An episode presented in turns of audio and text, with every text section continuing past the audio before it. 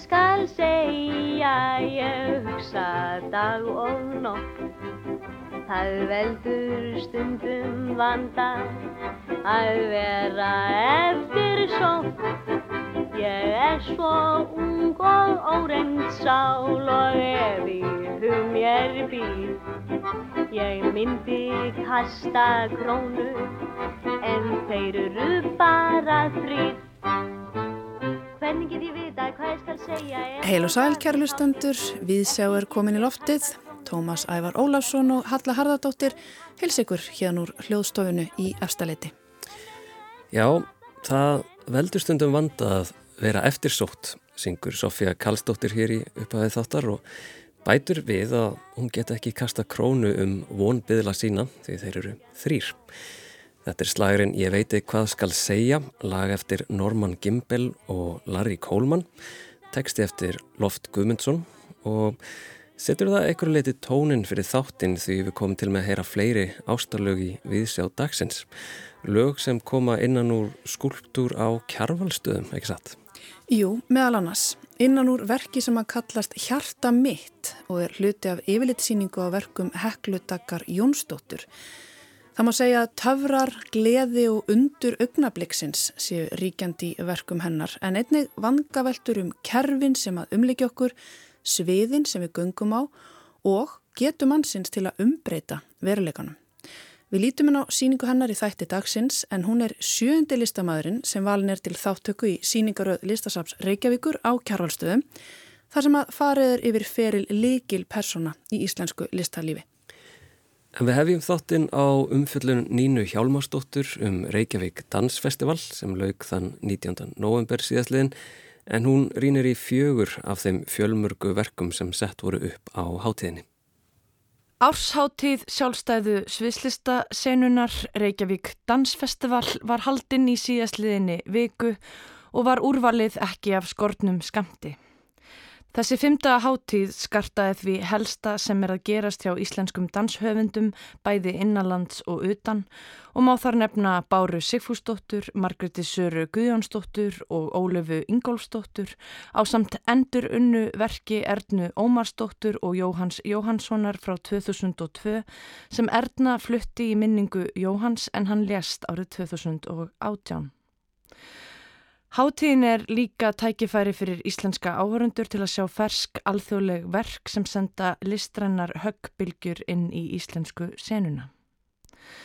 Titill hátíðarinnar í ár er Feminískar framtíðir en í ár er Reykjavík Dansfestival hluti af fjögra ára verkefni APAP tengslanetsins sem er styrt af Creative Europe en markmiðið er að hrinda af stað kröftugum samfélagsbreytingum með listsköpun og takast á við misrétti í sviðslistum.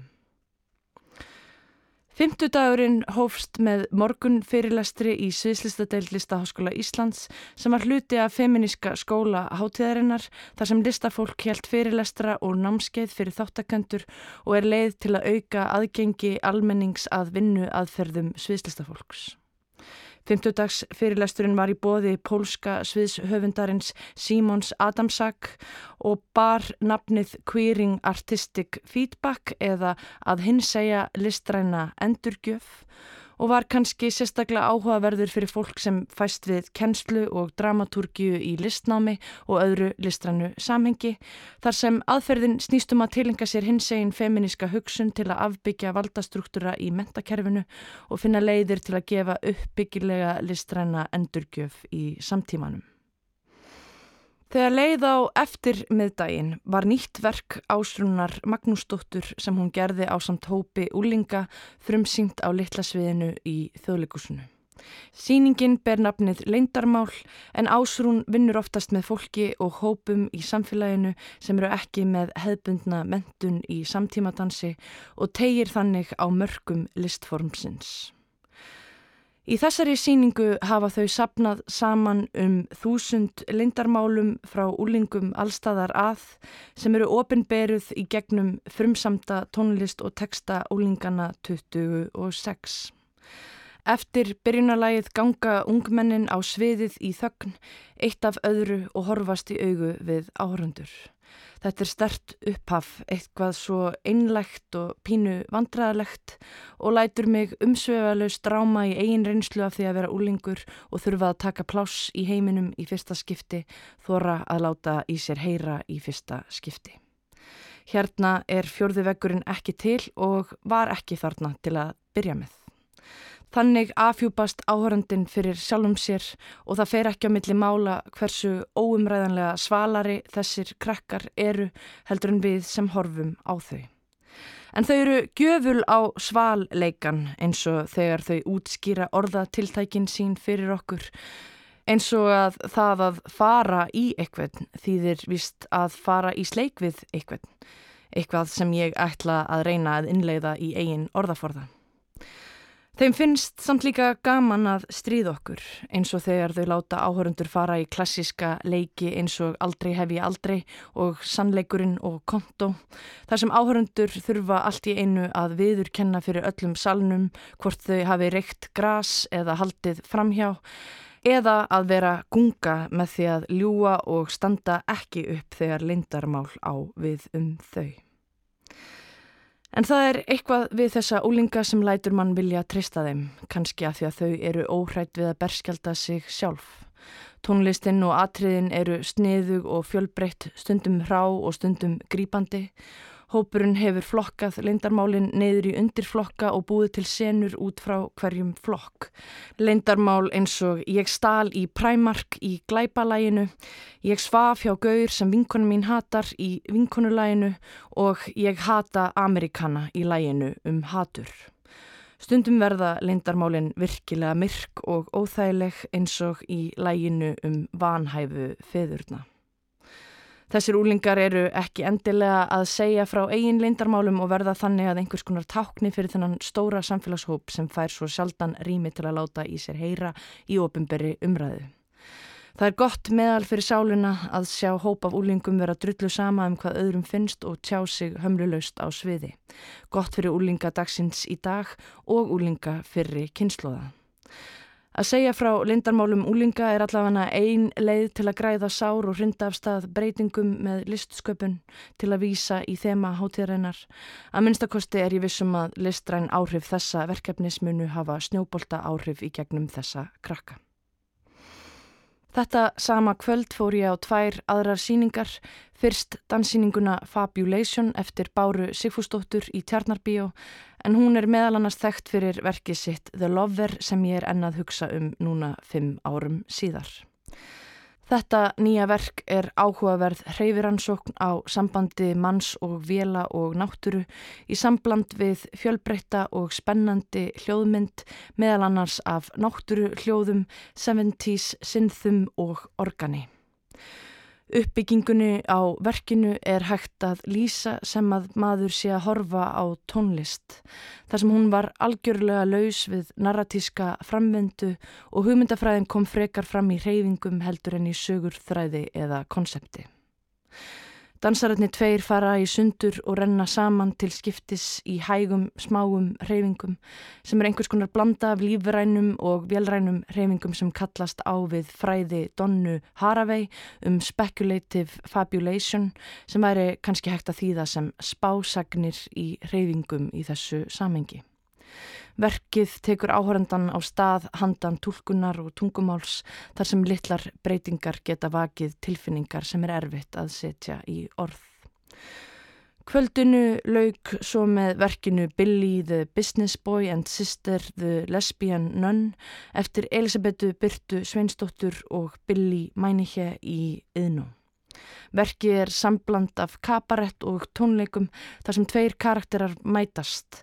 Transmaðurinn Billy sem er upprennandi viðskiptamaður sem dreymir um að vera rockstjarnar og lesbiska nunnan Sistir sem var brend á báli á kirkjubæjar klaustri á 14. öld fyrir að hafa selt djöflinum líkamassinn en hannar persona er byggð á sögulegum heimildum.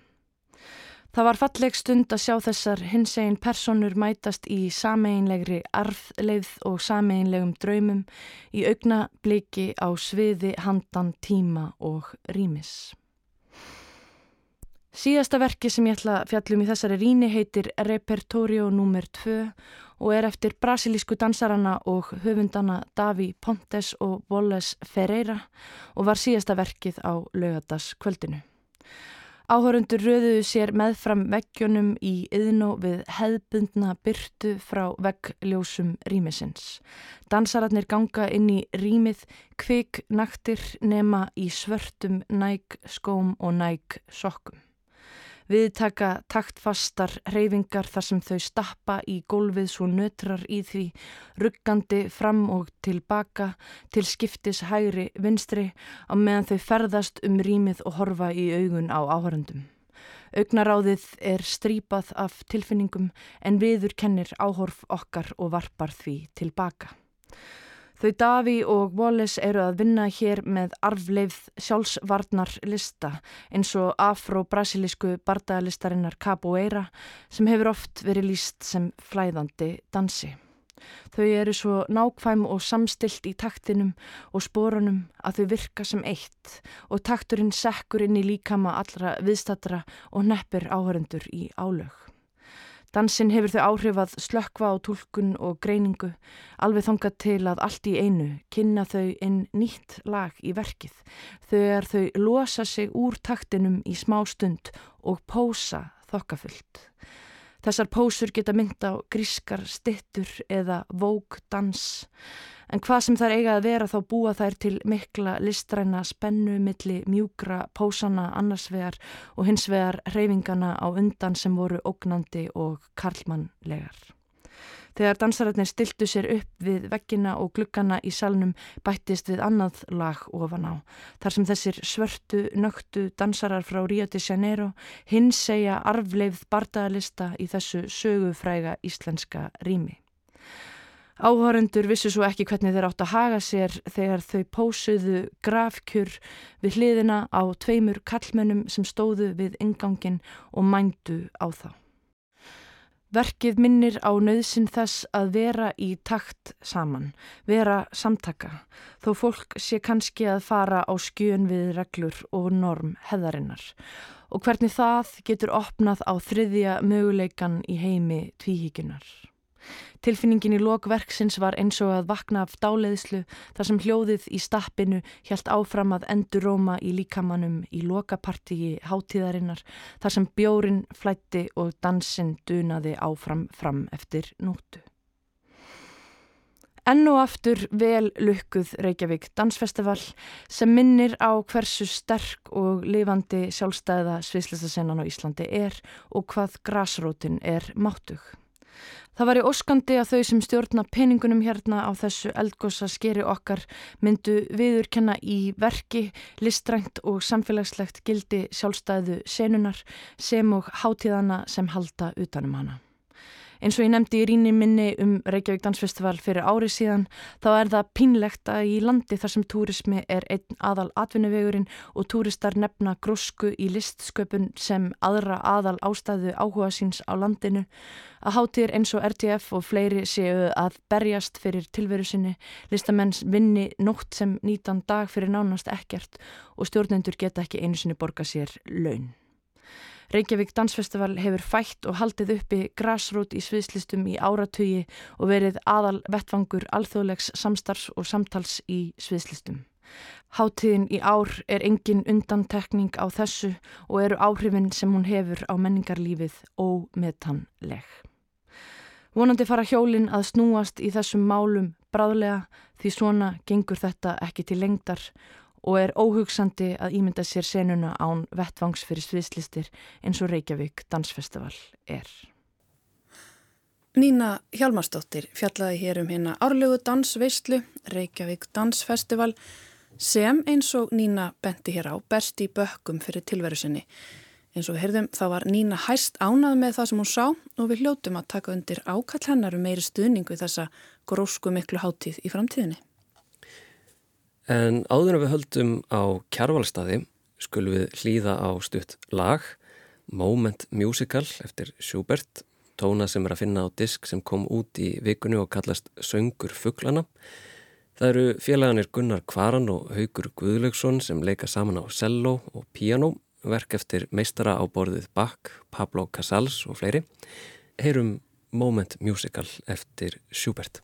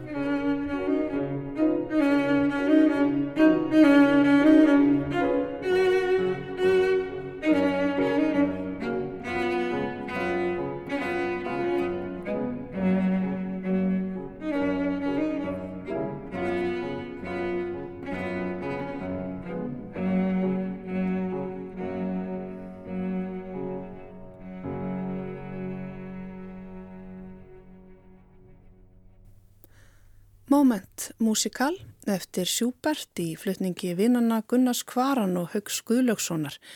Þeir voru að gefa út diskinn Söng Fugglana og verði mitt með útgáfuhóf á laugardag í sapnaðarheimili Domkirkjunar klukkan fjögur. En þá að myndlistinni. Töfrar og óskir eru hugtök sem viksl leggjast oft og tengjast saman í merkingu og nótkunn. Þegar óskir okkar rætast er það líkast töfrum andartakið töfrum sleið. Þegar við óskum okkur einhvers af öllu hjarta þá erum við að ganga á svig við reglufastan framgang veruleikans og óskinn getur ekki orðið nema með töfrum, bæði það óska sér og það óskinn rætist. Svo segir Jóhannes Dagsson, heimsbyggingur og myndlistamæður um hugmyndir sem hafa verið heklutökk Jónsdóttur hugleiknar í gegnum ferilinn en þessar hugmyndir reyfar hann í síningaskrá 0 EU. Lítum inn á kjærvalstæði.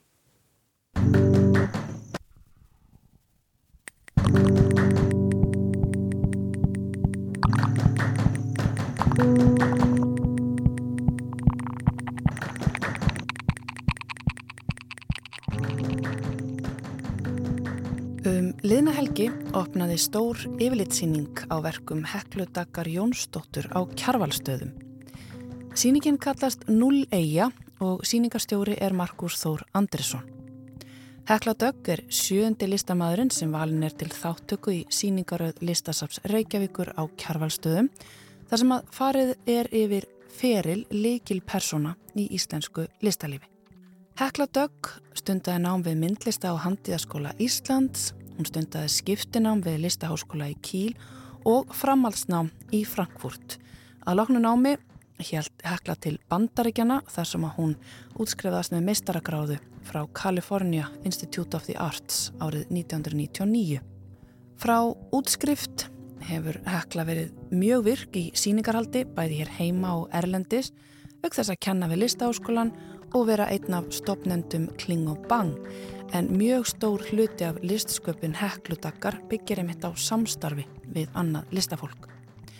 Núið og galdrar augnabliksins leika stóran þátt í listsköpun heklu. Hún beinir oftar en ekki sjónum okkar að töfurum hverstagsins og eins og Markus Þór Andersson, síningastjóri, bendir á í vegleri bók sem að fylgi síningunni, þá býr hún hreinlega til galdarana, séu þeir ekki til staðar. Ég heiti Heklu Dögg á Kjarvalstöðum einn morgunin í þessari viku. Hluti af listaverki Heklu Döggar tóka móti mér strax á bílastæðinu þar sem að marglituð konfettikorn vísuði mér veginn inn á Kjarvalstæði. Þegar inn var komið var svo mikið um að vera á safninu, mikið af gestum þar á öllum aldri, að við hekladög áttum erut með að finna næði fyrir spjall. En við enduðum svo inn á skrifstofu nokkuri þar sem að líka var að finna konfetti, mögulega leifar af eftirparti eða hvað.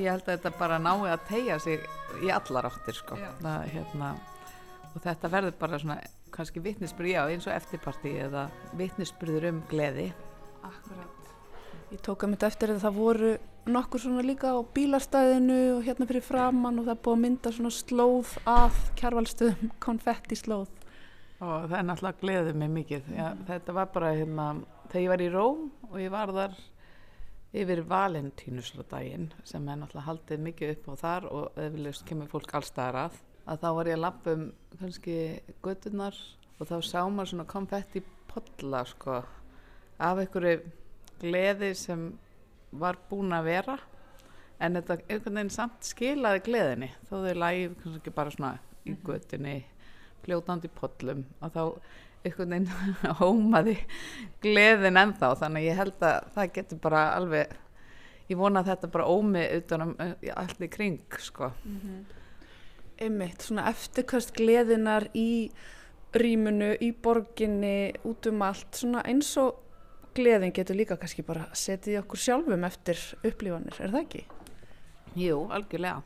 Og líklegast er þetta bara, þú veist, ég gerði einu sinni, það var 2006, að þá syndu við samsýningu í Klingabang sem hérna hérna ljósaskipti.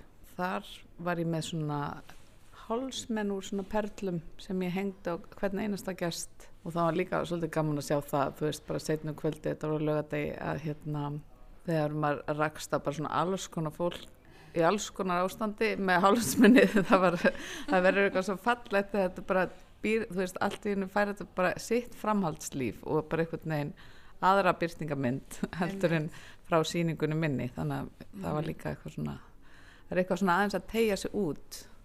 Einmitt, þannig nú eitt þráður líka í þínu höfundaverki sko að því að höfundurinn er ekki allsæðandi, þú veist, veist ekki alveg svona hvar verki byrjar og endar og þú eiginlega sleppit allir tökunum og það lífir áfram með manneskjónu sem taka þátt, ekki satt?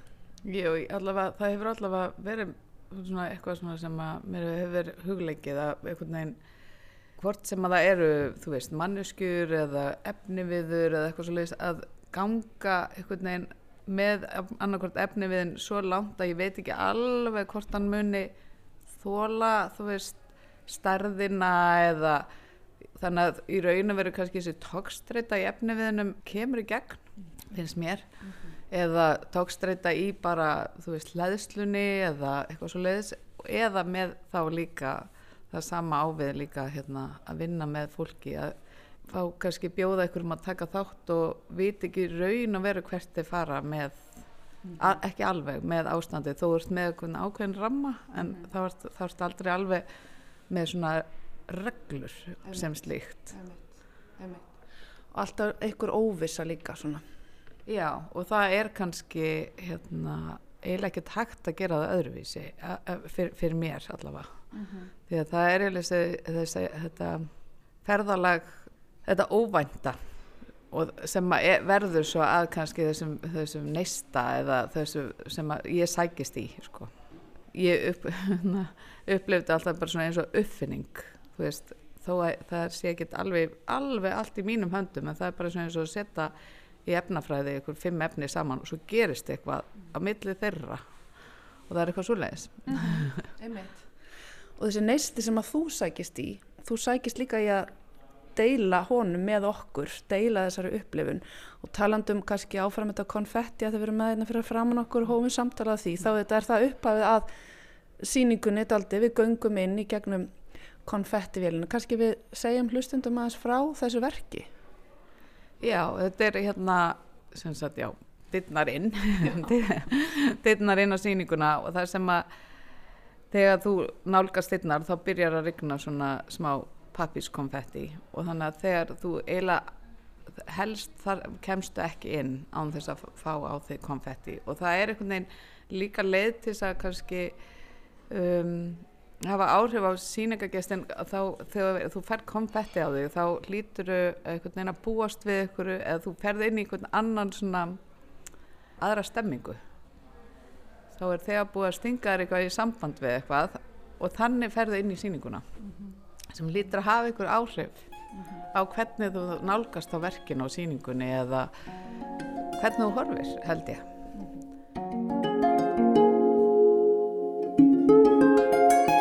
Á síninguna á kjarvalstuðum er einnig að finna nýtt verk sem að Hekladögg vann sérstaklega inn í rými kjarvalstöða.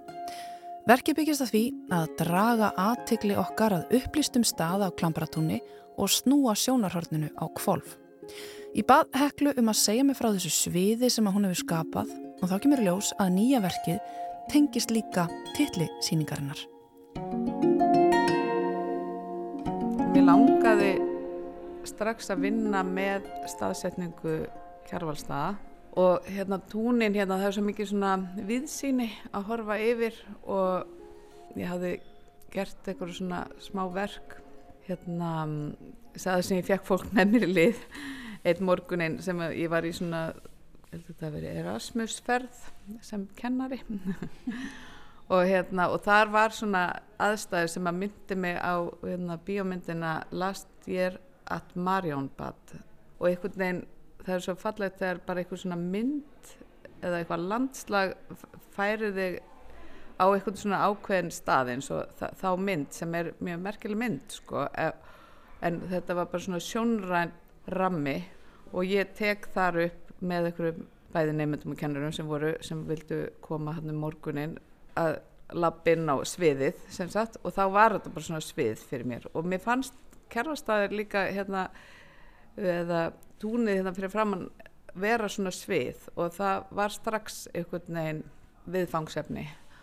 Og svo hef ég líka verið ofta að hugsa um bara ég hef gert áður verk til dæmis sem var svona verk sem átt að vera bæði á netinu og í gardi í enna Helsingi og þá dætt mér í huga að vera með þú veist uh, bara svona ljósaperu sem kveiknaði alltaf þegar sólinn kemur upp í Helsingi og svo ljósaperu sem kveiknaði í Helsingi sem satt í gardinum ljósaperan var online en hún var hérna á Íslandi sem var kveiknaði þegar sólinn kom upp í Helsingi og svo öfugt að þá, þá var ljósapera í Helsingi sem kveiknaði þegar sólinn kom upp á Íslandi. Og svo byrjuðum við á bara þetta byrjar á svona svipum tíma en þetta fer yfir svona tímabild þegar við okkar myrkustu dagar eru að byrja. Þannig að, veist, þannig að þetta var svona hugsun um að minna fólk á hvar þar stendur bara á þessari kúlu sem hnötturinn er. Hvar eru við? Eða veist, ef maður hugsa bara svona í, í svona game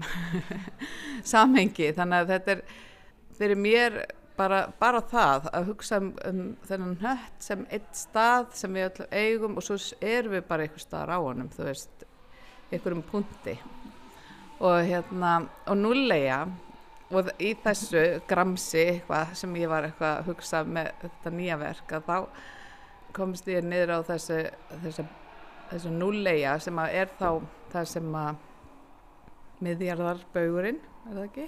Núl, mið, miðbaugurinn? Mið, já, miðbaugurinn já. Já, það sem, já, miðjar já, miðbaugurinn og núlbaugur, já, miðbaugur og núlbaugur mætast og hérna og þannig að þetta er 0 gráða 0 gráða þannig að þú veist þetta er einhvern svona staður og hann er í miðju ha hafi og er í sömu, við erum í sömu hérna, tímabelti, við erum í sama tímabelti og mér fannst þetta eitthvað svo magna, mér langaði einhvern veginn að grýpa þetta að vera með eitthvað kannski ljós sem kveiknaði klukkan 6 og slöknaði klukkan 6 mm -hmm. þetta kemur einhvers staðar þaðan. Og svo bara kom þessi, þú veist, ég hafði tekið þetta vídeo sem að heitir núna núlega uh, þó nokkuð áður en það er einhvern veginn allt í hún átti það bara við þetta líka. Þetta er líka svona núlega eða núlæland sem er næstlega eins og maður gæti lesa það sem 0 Ísland. Þetta er líka eitthvað svona smá húmor á okkur. Og þú veist það er líka bara svona þú veist það er að lesa alls konar í, í þá. En þetta er líka kannski hugsun um hvar við erum. Við erum hérna og ef við hefðum þú veist ef það væri alltaf dagspyrta klukkan 6 á mótnana og, og það væri alltaf komið myrkur klukkan 6 á kvöldin það væri alltaf aðra manneskjur held ég og svo finnst mér þetta líka að vera áminning um það að þú veist þetta er þessi eini nöttur og við eigum bara veginn öll mm -hmm. við erum öll hérna saman á þessum netti mm -hmm. í svona starra samhenginu ættum við öll að vera bara rosalega góð við hvort annað og hérna og einhvern veginn að þú veist þetta er bara eitt punktur og svo er þetta líka eins og þessi nullbögur er bara politist ákvarðaður. Hvenar, hvað er null og, og mér finnst það svolítið gott að muna það að þetta er bara ímyndaði staður. Þessi nulllega mm -hmm. eða þessi nullpuntur er bara við byggum að bara til í raun og veru. Hann er ekki, þú veist, þetta er engin þetta er engin, hérna, ekkert fjall sem myndaðist, þetta er, þetta er bara eitthvað sem við búum til og þá þarf maður svolítið að muna hvað við búum til meira, öll þessi landamæri sem við búum til eða, eða ákvarðanari ef að þú fæðist á 0,0 gráðu þá mátt þú ekki vera á veist, þessari gráðu. Eða veist, þetta er svona kannski bara opna fyrir svona hugsanir um hvað það þýðir. Einmitt, sko þú ert hérna að draga aðtil okkar að stað sem að er raunverulegur.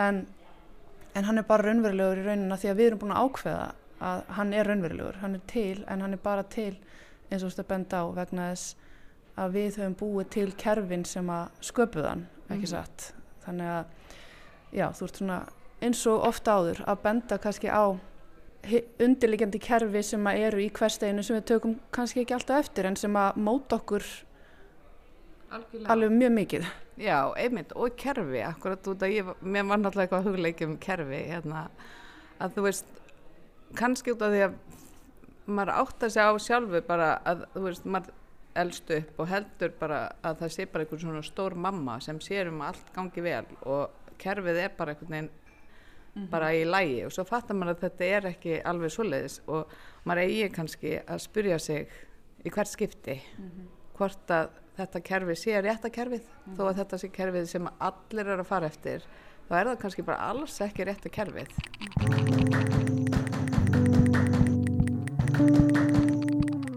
dregur aðtöklu okkar að stað hérna og, og það sem þú gerir líka stundum og hittverki sem þú ræðir hérna það sem þú ert að draga aðtöklu okkar að túninu hérna fyrir framann og í rauninni í staðis kannski að benda okkur á okkur undirlegjandi kerfi þar þá ertu að umbreyta staðnum og kannski minna okkur á að í rauninni ertu kannski að búa til eitthvað svona svið þar sem að fólk gengur um og við getum gengið inn í.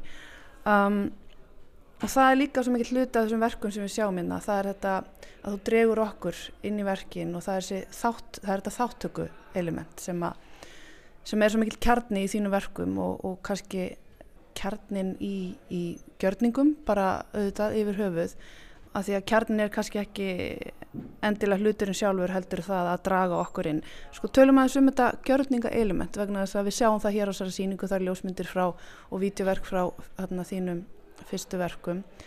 Hvenar ákvastu eða var það eitthvað ákverðun þú fórst eiginlega frá því á einhverjum tímapunkti frá því að nota sjálfa þig og þinn líkama í verkunum yfir í að kannski taka annað fólk inn og, og, og, en sjálfa þig. Já það var svolítið skemmtilegt út að ég náttúrulega það var alveg þannig að þegar ég útskrifast hér úr skólanum þá koma allar hugmyndar inn í gjörningaformi. Líklegast bara eins og þegar þú veist, þegar maður ef maður er að nota málverkið mikið þá hugsa maður auðvitað í málverki eða í teikningu. En, en hjá mér var þetta bara allar hugmyndir einhvern veginn færðust yfir í gjörninga. Og svo fer ég til hérna Callarts og það sem að í Kaliforni, þú veist, þar var náttúrulega bara rosalega mikið af gjörningum, þú veist með mjög marga snillika þar og það var eins og það væri svona bara mettun fyrir, fyrir mig, ég veit ekki hvað það var. Og þetta var bara svolítið eins og að fara inn í þú veist, þegar maður fer inn í svona vestlunum og, og þá getur maður ekki keift nýtt út af ómikið úrval, það var örglað þannig með gjörningana. Kannski var það það en kannski var það líka út af því að þegar ég kem og kannski er þetta að sjá það á síningunni að þegar ég kem til Kaliforníu þá er það þannig að þú veist ég er náttúrulega sín í gjörningunum mín og erum að tala um listaverkin sín að þá er, alltaf, þá er ég alltaf lesin sem blondína og ég hafði aldrei upplifað mig blondínu og það var eitthvað svona, ég var alltaf svona ringluð við því þú veist, byrja, já, byrju, en ég er ekki að tala um, ég er að tala um konuna, þú veist, eitthvað svona, þú veist, en allt í hún er ég bara, já, og blondínan og, og, og, og svo enda mig, ég náttúrulega nýtti það bara í eitt verk, þú veist, þetta sem er á síningunni, sem er þessi sukulæðikassar, það sem ég er bara að vinna alls konar störf og alvöru störf og er bara ljósærð og verðt út að ég fættist þannig á Íslandi líka sem að voru mjög margir bara ljósærðir, þetta var ekkert merkilegt ekkert svona stimpill meint mm -hmm. Og þá kannski líka fatta ég maður getur ekki losna við sjálfan sig úr gjörningunum. Og það er regla líka partur af þessu. Mm. það þú veist að mér langaði ekki alltaf bara að vera að tala um háralitin á mér og, mm og í raun að vera enda eða þannig ég klifti þú veist þetta var auðvitað tilraun. Ég klifti hára á mér rosalega stutt og litaði alveg svona næstu svart það er svona brún svart -hmm bara til að testa hvað það býti og gerði eitt gjörning svo leiðis þannig að það, það var alveg þannig sko.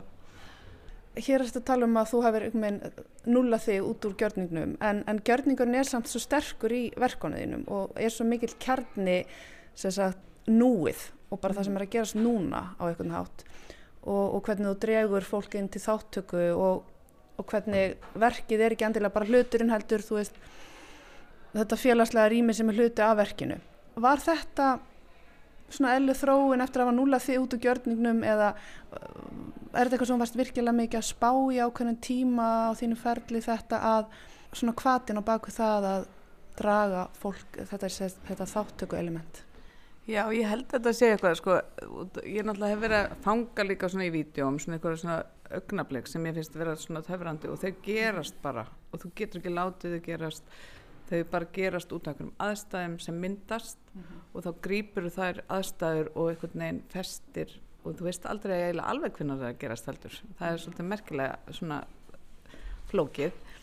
En um, ég held að eins og með að fá fólk í þáttöku að þá, þá setur bara svona, þetta er bara eins og aftur að vera bara með í efnafræðu og setur svona einhver, einhver efni saman.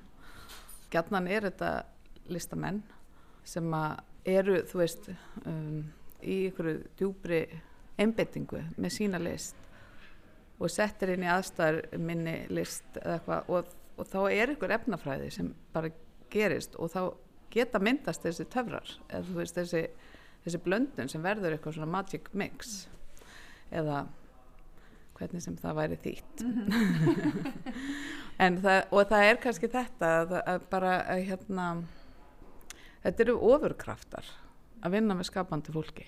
Og það er bara það að fá hérna skapandi fólk til liðs við sig. Og þetta er hlæðsla líka. Þau hlaða ástandið sem, og líka fyrir mér kannski það ég hef alltaf líka trúað á myndlist bara sem fréttamennsku en ekki með sama kerfi og við erum vön kannski, heldur kannski öðru eða veist, við erum vön þessu kerfi en ég er ekki með þeirri kerfi sem við köllum fréttamennsku heldur þetta er annað kerfi en jafn mikilvægt.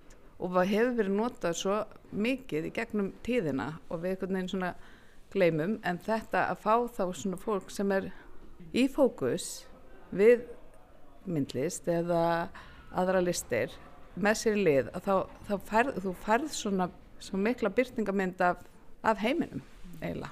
Og þú færð bara svona sögur eða tilfinningu eða hvað er að gerast mm -hmm. í núinu og ég held að það, sé, það er það sem drýfur mig áfram og, og í þessa samvinnu þú veist að fá svona þessa ringuðu af upplýsingum Sans comme tu me sens, comme tu me sens, comme tu me touches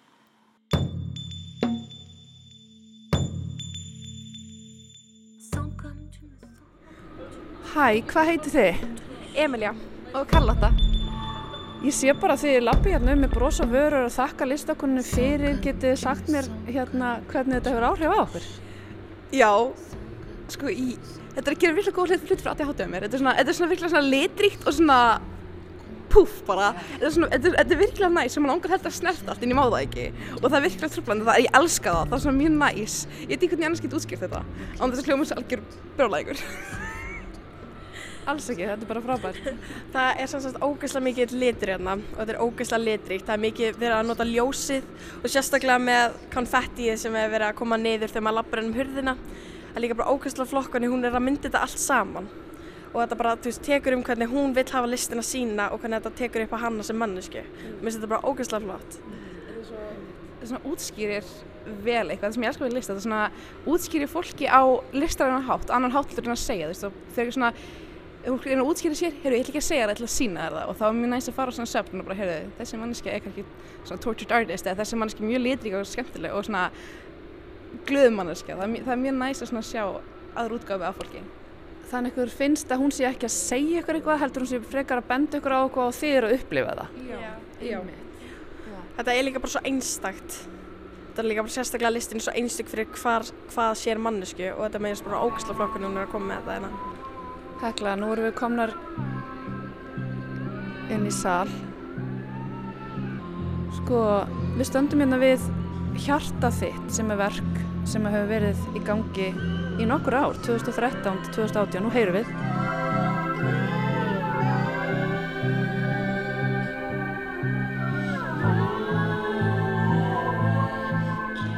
Þetta verk er einstaklega fallegt og dregur doldi saman margt af því sem við vorum að ræða á þann sem er uh, þessi þáttaka og saminæðin við listamönnum og, og upplifun okkar og hlutur sem afleðing af einhverju þáttökuferli.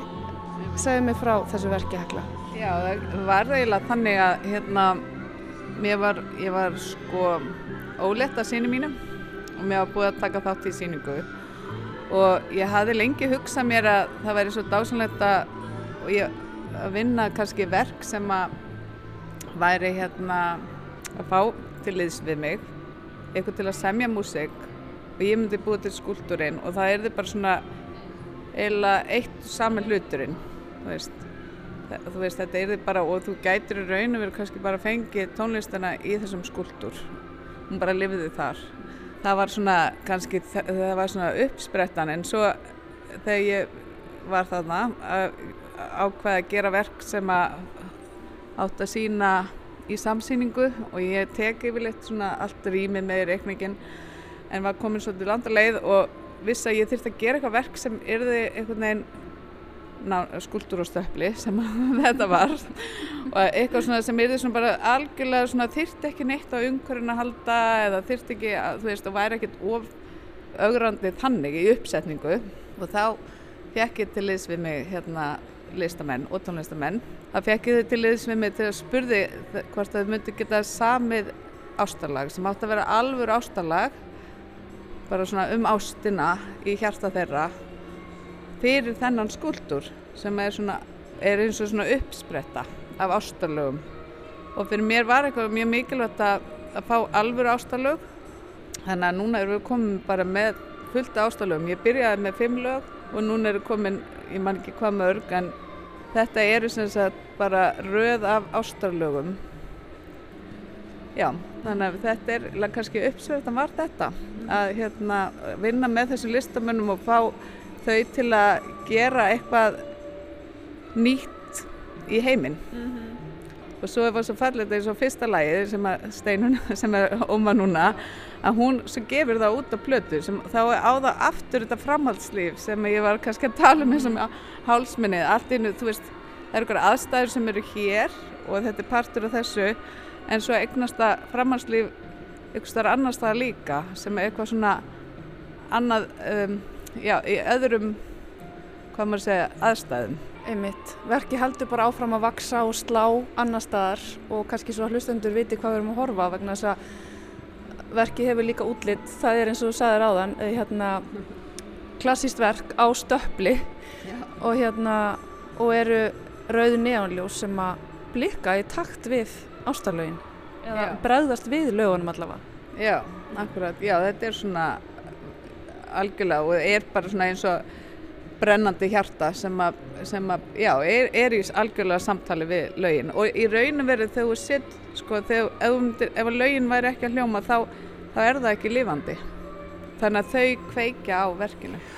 I don't understand the words they say in love songs. Oh, it would be grand if I could write my own one So I desperately try to catch someone's eye. Someone throw me a bone I'm tired of being alone. Oh, I don't understand those love songs. Ég greinir miklu á bjart sinni í verkonunum og þér og bara svona trú, trú á mátt listarinnar. Þú trúi greinlega á umbreytingamátt listarinnar og, og mikilvægi listamannsins bara í samfélaginu. Já, alveg bara algjörlega. Ég er alveg bara svona mjög mikið svona, ég trúi mjög mikið á það og það hefur verið svona hjálplegt bara, ég er líka búin að vera kennari og það og það hefur verið svo hjálplegt líka bara í því að, að ég, það er svo gott að vinna með fólki sem helga sig því að búa til listaverk og því að þetta er svona, svona ofur einbytting og við vitum að ofur einbytting í hvaða fæði sem er er svo mikilvæg til að láta eitthvað gerast. Og þessi ofur einbytting hún bætir ykkur við. Já, mér finnst þetta að vera, hérna, ég hef svo rosalega trú á myndlist til dæmis og öllum listum með þetta en, en það sem að myndlist er mitt fag þá er ég kannski meira kent þar en ég, ég hef svona ofur trú á því að þetta að maður ætti kannski að hlúa meira að myndlistinni. Og hún ætti að fá aðeins meira vægi því að hún er ekki, ekki bara þú veist holl fyrir að horfa á eitthvað fallegt heldur hún er bara svona hún er bæði áreiti og á heila stöðvarnar og hún getur verið ljót, hún getur verið ógeðslega leðileg og bara óþólandi og þú veist það er, það er alls konar sem að myndlist getur verið en það er mjög holdt eins og við höfum bara lært og það er alltaf verið að koma meira í ljós. Við þurfum áreiti á heila stöðvarnar til þess að halda öllu gangandi og við þurfum hérna áreiti á augun og það, það, það að bara að vera í umhverfi sem er, sem er hugsað út í frá A til Ö, bara sjónrænt umhverfi, að það getur haft alveg svakalega áhrif á hvernig við hefðum okkur, bara án þess að en, enginn segir orð, þú veist, og þetta hefur maður bara tekið eftir bara með börnum eða þú veist, þú veist þeim sem að, hérna, maður tristir að eru bara í sínu, þú veist, sínum upplifunum. Þannig að ég held að, að, að við mættum alveg gefa myndlist og öðrum listum þetta miklu meira vægi. Og það væri bara holdt fyrir allt og alla.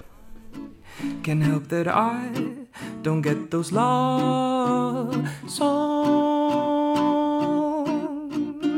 Some songs have no words. Some words have no song,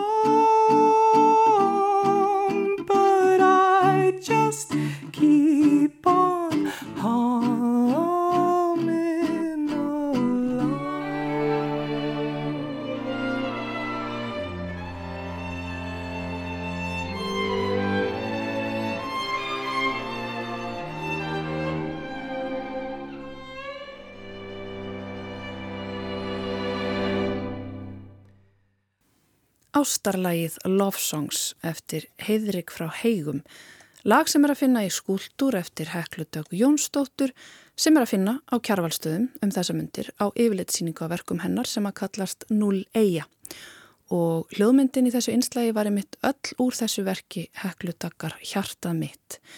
Og hér endur við þáttinn í dag eða svona næstum því. Já, við ætlum að hvaða ykkur í dag kæru lustendur og, og ljúka vikunni með öðru ástarlægi eftir annan myndlistamann. Þetta er lægið I Love You So með Agli Sæbjörnssoni. Við verðum hér aftur á sama tíma á mánudag og þetta hvena sem er í spilara rúf. Takk fyrir að hlusta og veriði sæl. Veriði sæl.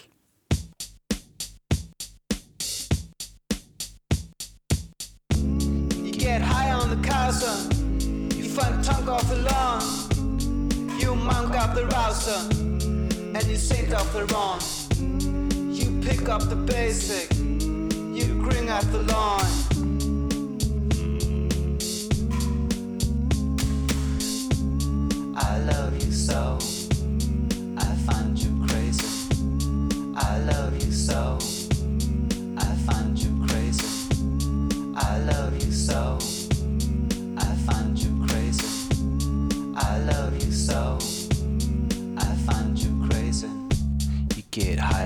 You find tongue off the lawn.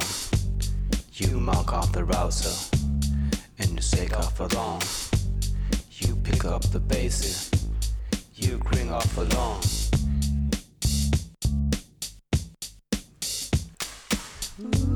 You get high on the casa. You find tongue off the lawn. You monk off the rouser. And you saint off the wrong. You pick up the basic. You grin at the lawn. I love.